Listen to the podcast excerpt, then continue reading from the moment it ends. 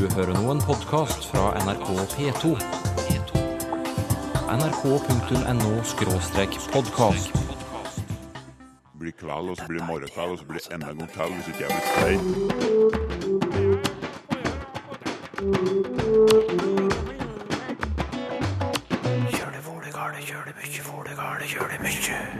Nice to see you all. Have a seat. So first of all today, uh, Engelskundervisning i skolen.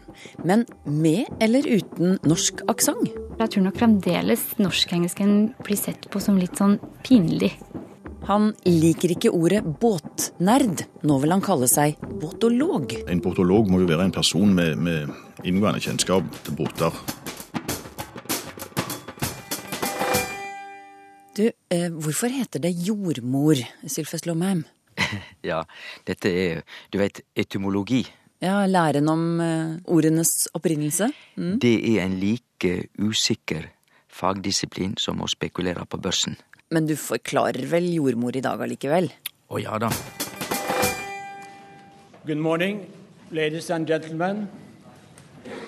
The Norwegian Nobel Committee has decided that the Nobel Peace Prize for 2013 Torbjørn Jagland er en av flere kjente nordmenn som får kommentarer fordi de snakker engelsk med tydelig norsk aksent.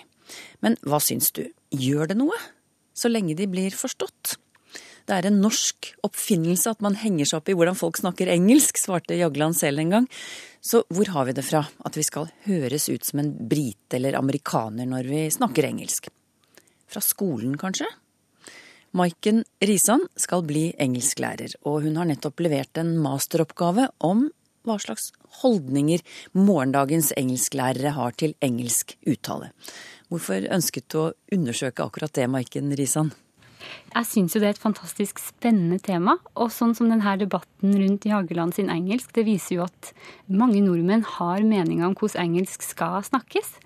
Eh, Og også det her med at internasjonale forskere mener jo at kanskje det er på tide at eh, ikke-morsmålsbrukere, sånn som nordmenn, da kanskje går litt bort fra å se på britisk og amerikansk som det her fantastiske idealet, og at vi kanskje heller skal være litt stolt av det her unike preget vi kan putte på engelsken, og kjenne at vi har litt sånn eierskap til engelsk sjøl. Ja, hvorfor sier internasjonale forskere det?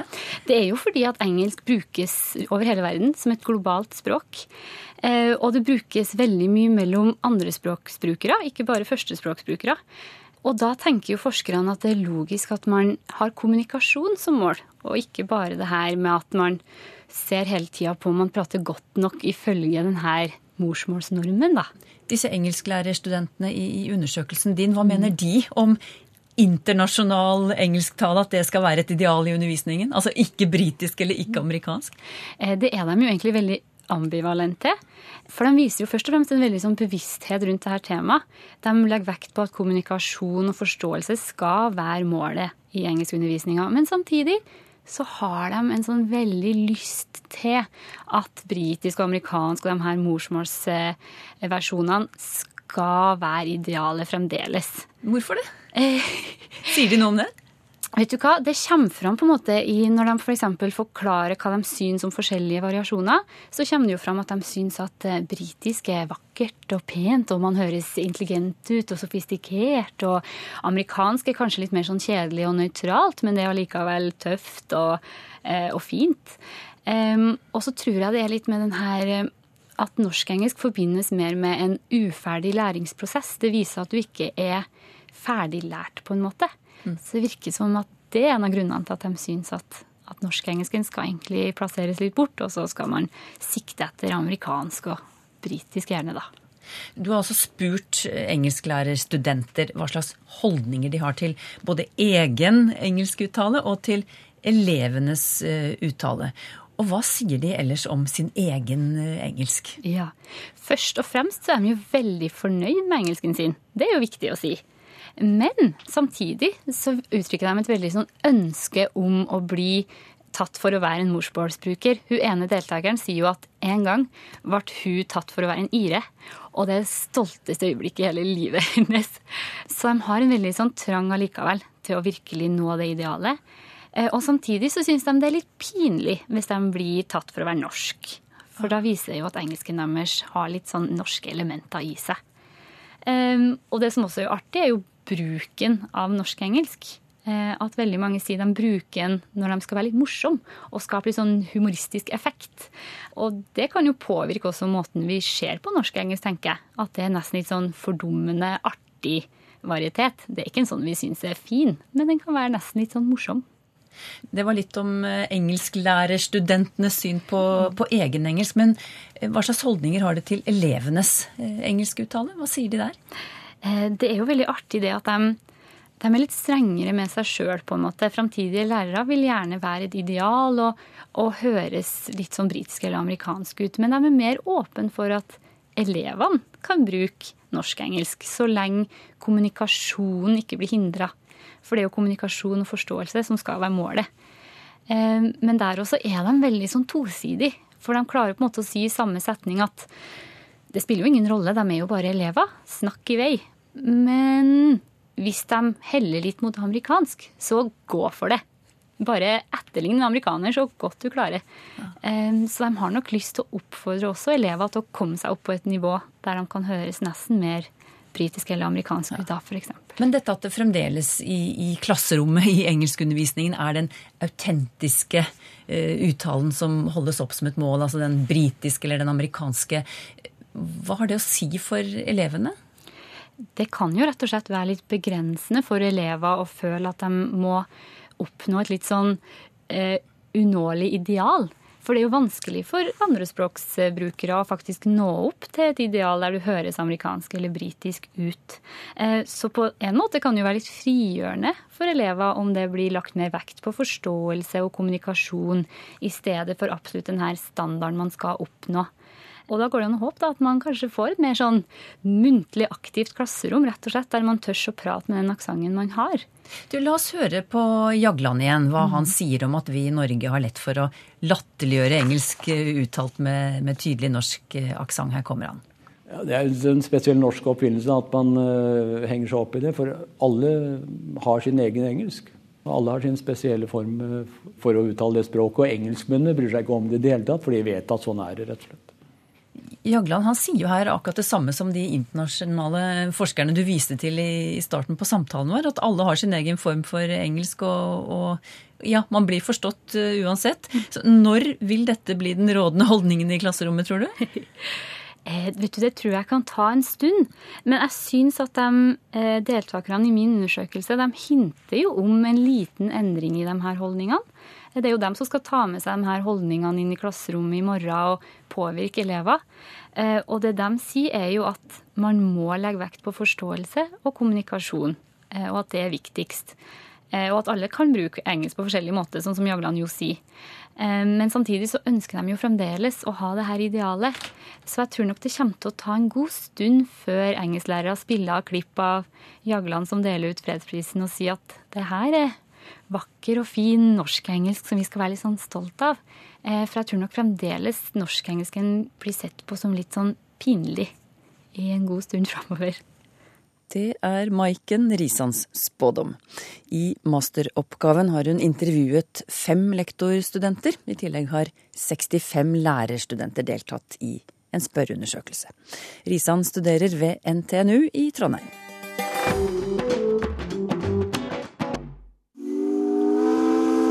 Vet du hva en båtolog er? Ordet er ikke kjent her i landet, men kan kanskje bli det. Jeg har fått eh, e-post fra Ivar Andersen, en båtinteressert lytter, som spør om han kan kalle seg båtolog. Og hvorfor vil du det, Ivar Andersen? Jeg syns det er et kort, greit navn som beskriver en interesse, en kunnskap om båter i aller videste betydning svenskene har kalt seg bortologer i, i, siden ja, i hele 1900-tallet. Det var en, en stockholmer som titulerte seg med det i alt sitt yrke. Han òg hadde den interessen. Mm. Og, og når søsterforeningen til Norsk Skipsfartshistorisk Selskap i Sverige ble starta, så kalte de seg bortologer umiddelbart i 1964. Og, og vi starta jo i 73 da. Men, men, hva har dere kalt dere fram til nå, da? Nei, hva har vi kalt oss? Eh, det kan vel være noen som har kalt seg enten eks-skipsfører, eks-maskinsjef eller eks-megler eller et eller annet eh, relatert til sjøen. Eh, eventuelt eh, kanskje skipsfartshistoriker eller sjøfartshistoriker. Det går jo an, selvfølgelig. Og så skrev du i e-posten din at eh, det er også noen som av andre blir kalt båtnerder blant dere. Ja, i mine ører så er ordet nerd litt sånn negativt lada. Har det vel egentlig mest fra dataverden, de som sitter med en datamaskin 25 timer i døgnet. Så jeg syns det var litt å bli slengt etter deg at du er nerd, når du egentlig sitter på ganske mye kjennskap og kunnskap og, og viten om alt som er båter og Det syns jeg var litt, litt vondt. Ja, Men du, for at vi skal skjønne hvem dere er, beskriv litt sånn eh, greit eh, hva det er dere driver på med. Hva, som, hva dere botologer, da, hvis vi skal få lov å bruke det ordet, hva dere gjør for noe. Ja, i, i Norsk Skipsfarts store selskap så er vi jo eh, 1550-60 medlem, skrevne medlemmer. Eh, Vi får et fint magasin fire ganger i år, og, og det er lokalavdelinger som holder på rundt forbi i landet. Eh, Det er jo de som er eh, medlemmer i foreningen, men det er jo vil si, mange botologer som ikke er organisert òg, som er nok langt flere enn de 1500-1600 som jeg angir. Så det går utover det å bare like å ta seg en tur på sjøen. Ja, i aller høyeste, i aller høyeste grad. Det kan, det kan være veldig spesifikt, og, noen tar seg gjerne av uh, ishavsskuter fra Brandal, andre tar seg av frakteskuter fra Bømlo. Tredje kan være båter bygde på Jøtaverken, og fjerde kan være gassbåter bygd i Moss. Altså, noen er snevre, og noen er vide i sin interesse. Men nå sa du jo at dere allerede har forskjellige benevnelser, da. Eh, hvorfor eh, er du nå interessert i å, å, å ta i bruk ordet botolog? Ja, det er jo et kort og greit ord. Det var nå det ene. Det andre er jo at eh, vi er ikke historikere faglig utdanna, så det er jo det å kalle seg sjøfarts- eller skipsfartshistorikere er kanskje ikke helt stuereint. Jeg vet ikke om det bare kalles historikere sånn uten videre.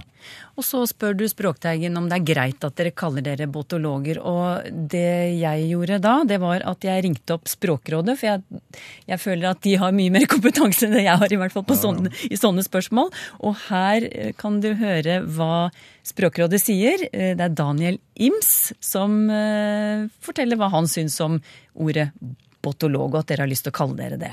Ja, hvis han og eh, flere andre som eh, er interessert i båt, som eh, har kunnskap om båt, vil, kalle seg båtologer, så må, de absolutt kunne gjøre det. Det er jo et artig ord som er litt, litt annen type enn andre andre lågord vi kjenner, da, som i astrolog og klimatolog, mykolog osv. Ja, Hva er det som er annerledes? Ja, Det som er litt uh, spesielt, er jo det at den har et uh, norsk uh, forledd, da, med låg som etterledd. Og så har den da tatt med den greske binde-o-en også, som en da ellers har i ja, olog, astrolog, mykolog, klimatolog. Men det at det er et sånn norsk forledd, det, det er jo ikke så, så vanlig når en har låg til slutt. Men eh, det gjør det jo også litt morsomt, da. Så du liker det ordet? Ja, jeg vil absolutt si at det, det er jo lett forståelig. En kjenner låg godt fra andre ord, og, og båt kjenner vi jo veldig godt. Så sånn sett så er det jo, jo flott. Så spørs det jo om åssen hvordan det blir tatt mot av andre eh, båtentusiaster eller båtfolk, da. Ja, Det er jo ganske mange som driver med båt her i landet, og som er interessert i båt. Hvis alle disse menneskene begynner å kalle seg båtologer, vil det havne i en ordbok, tror du? Det vil det ganske sikkert. Og så er det jo sånn at det er de, det er de orda som blir tatt i bruk, som, som kommer i ordbøkene igjen. Og det er det jo bruken over tid som, eh, som avgjør. Ja. Og båtologi, det blir også et, eh, et ord, det da, kanskje? Ja, det vil det jo også eh, bli, da. Altså enten lære om båter, eller Ja. Det, det må en jo da kunne danne. Det sa Daniel Ims i Språkrådet. Hva syns du om det svaret, Ivar Andersen? Jeg syns svaret var eh, veldig kjekt, vil jeg nå si. Han, han har jo forstått hva vi vil. Ja, Han ga grønt lys. Ja, absolutt. Du, Sist helg hadde dere i Norsk Skipsfartshistorisk Selskap årsmøte i Gøteborg. Og under punktet eventuelt foreslo du at dere, skulle, at dere skal begynne å bruke ordet båtolog. Hvordan var responsen? Det var, det var veldig god stemning. Tilbakemeldingene var udelt positive. Det var ingen som hadde noen innvendinger. Jeg, jeg passet nå på å si at fra min side hadde det jo ingenting med jåleri å gjøre i det hele tatt. Det var jo egentlig bare for å ha en benevnelse på hva vi holder på med. For det, det er jo også sånn at eh, de forskjellige medlemmene fra tid til annen kan jo både lokalt og, og nasjonalt bli spurt av, av, folk som har behov for fagkunnskap. Og da kan det være greit å, å være botolog, og ikke bare en tilfeldig forbipasserende. Ja, Så fra nå av er dere botologer. Og hvis du skulle lage en kort definisjon av ordet, la oss si at ordet havnet i en ordbok, hvordan, og der er det ganske korte definisjoner, ikke sant? Hvordan skulle den definisjonen være? En botolog må jo være en person med, med inngående kjennskap til båter.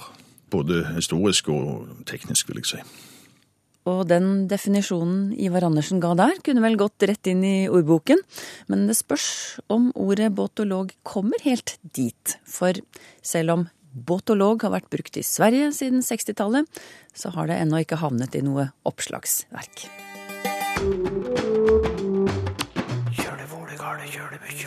Vålegale, gjør det mye. Hvorfor heter det jordmor?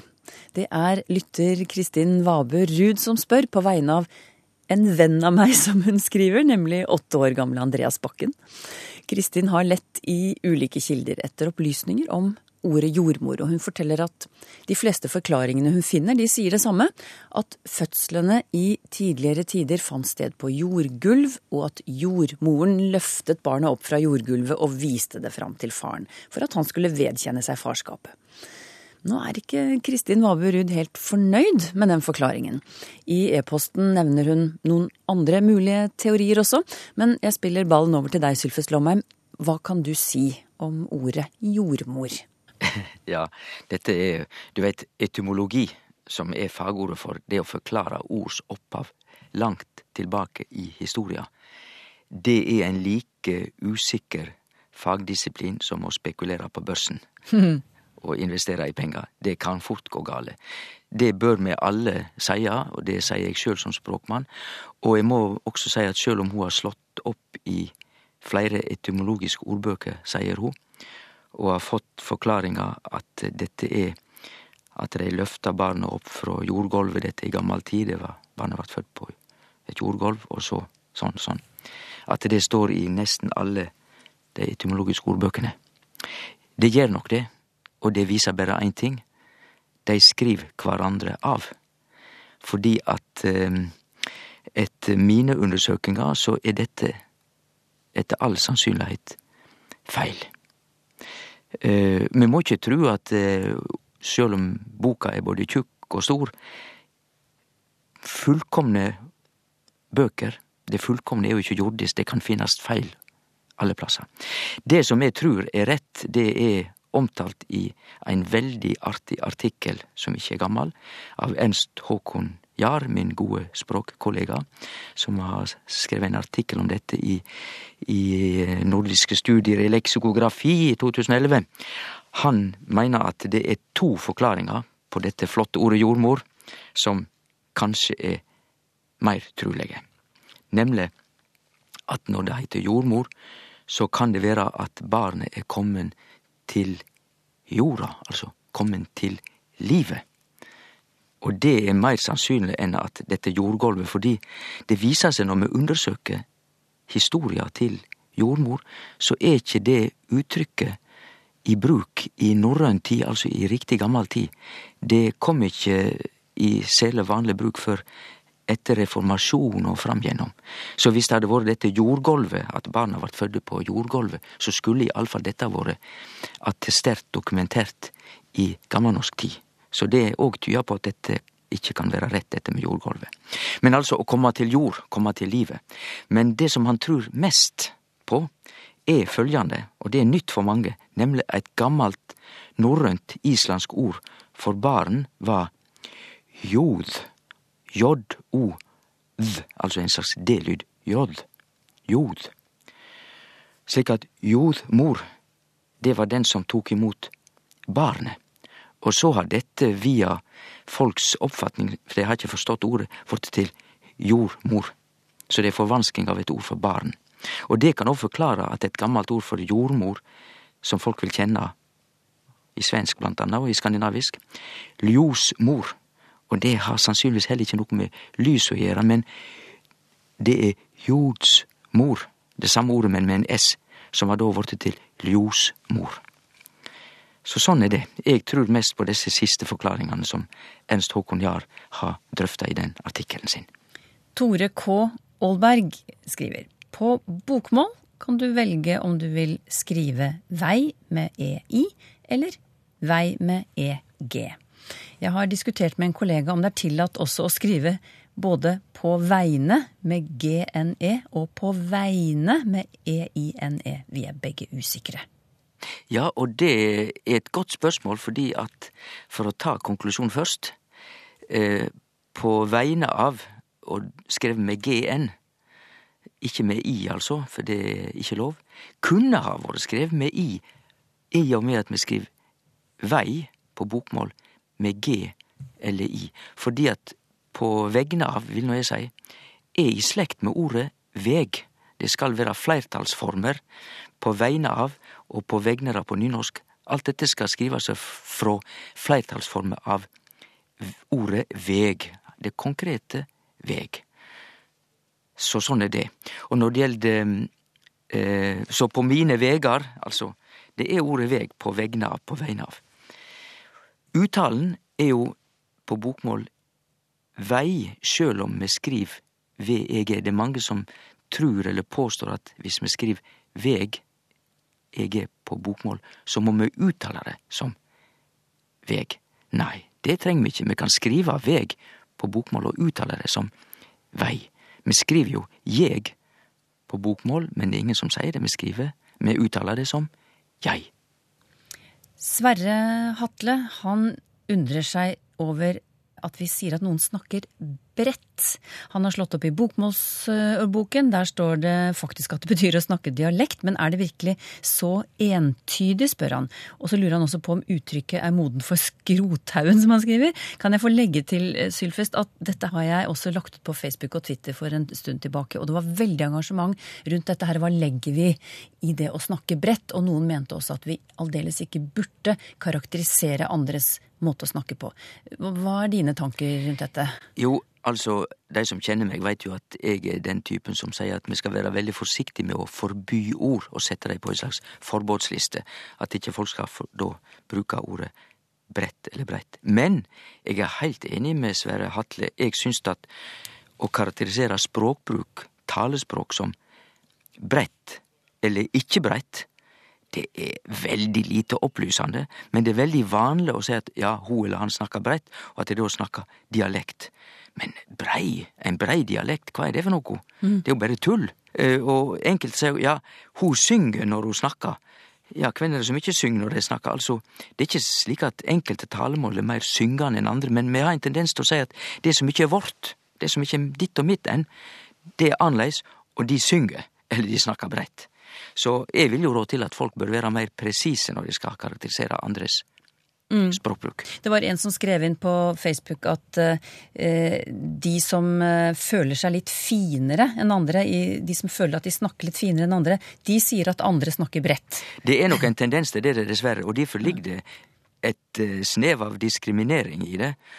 Og det er det jo ikke grunnlag for. Nei. Det var også noen som mente at å snakke bredt, det var å snakke dialekt uten forfining, som det sto i, i gåseøynene. Ja, men da kan de jo bare si at de snakker dialekt, for det er jo det de gjør. Ja. Jeg opplever også at å snakke bredt er, det er litt vanskelig å gripe hva som egentlig ligger i det. Ja, det er det. Mm. Det er et uh, ikke Det er veldig upresist, altså er det et dårlig ord. Så jeg ville aldri bruke det, fordi at det sier jo altfor lite. Det sier egentlig ingenting. Nok et brev fra bunken Sylfest Lomheim, denne gangen en kollega faktisk, Einar Gullvåg Staalesen. Han skriver det har innarbeidet seg i nyhetsspråket en forvirrende og ulogisk bruk av preposisjoner. For folk er døde etter bilulykker. En person brakk ryggen etter en skiulykke, har han hørt eh, meldt på eh, radioen. Noen hundre reinsdyr døde etter snøras. Han syns kort sagt at det er eh, problematisk dette her etter. Altså, det skjer vel der og da? Ja. Det, her syns jeg at alle de som hører på, som har kontakt med, eller som jobber med nyheter, for dette er stort sett noe vi hører i nyhetene. Det er veldig problematisk, for å si det kanskje forsiktig, å si at uh, reinsdyr døde etter et snøras, når vi veit at det saklig og faktisk sett var at de døde i snøraset. Så det er spesielt denne preposisjonen etter i samband med, med ulykke eller dramatiske ting, at her må vi tenke gjennom Preposisjoner har faktisk ei meining.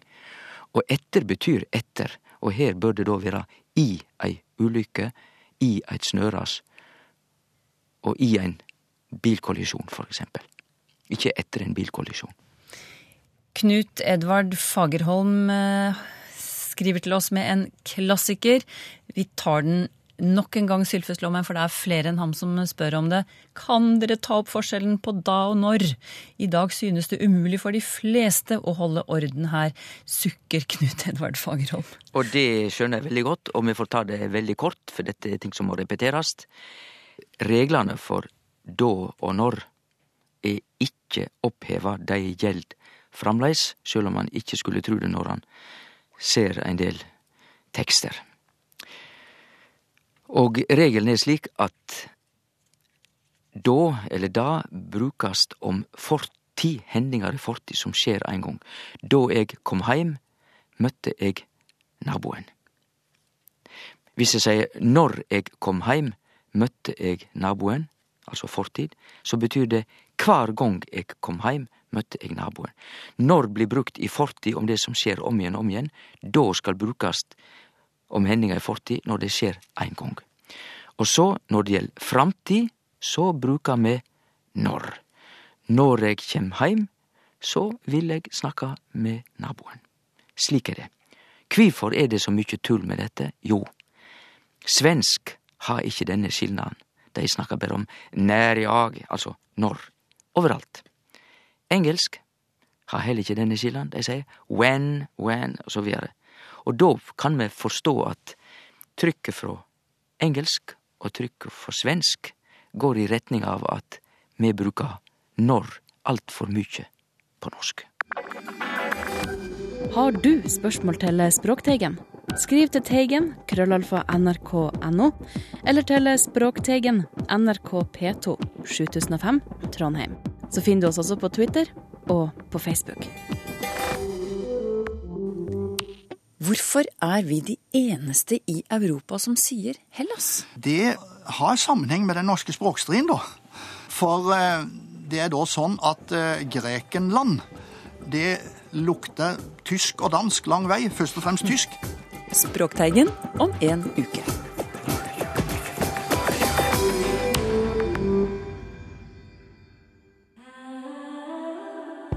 nrk.no podkast.